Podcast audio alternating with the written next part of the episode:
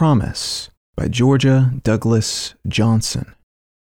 Through the moil and the gloom they have issued to the steps of the upwinding hill, where the sweet, dulcet pipes of tomorrow in their preluding rhapsodies trill.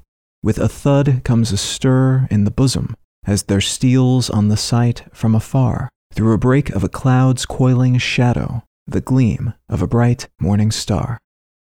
Promise by Georgia Douglas Johnson.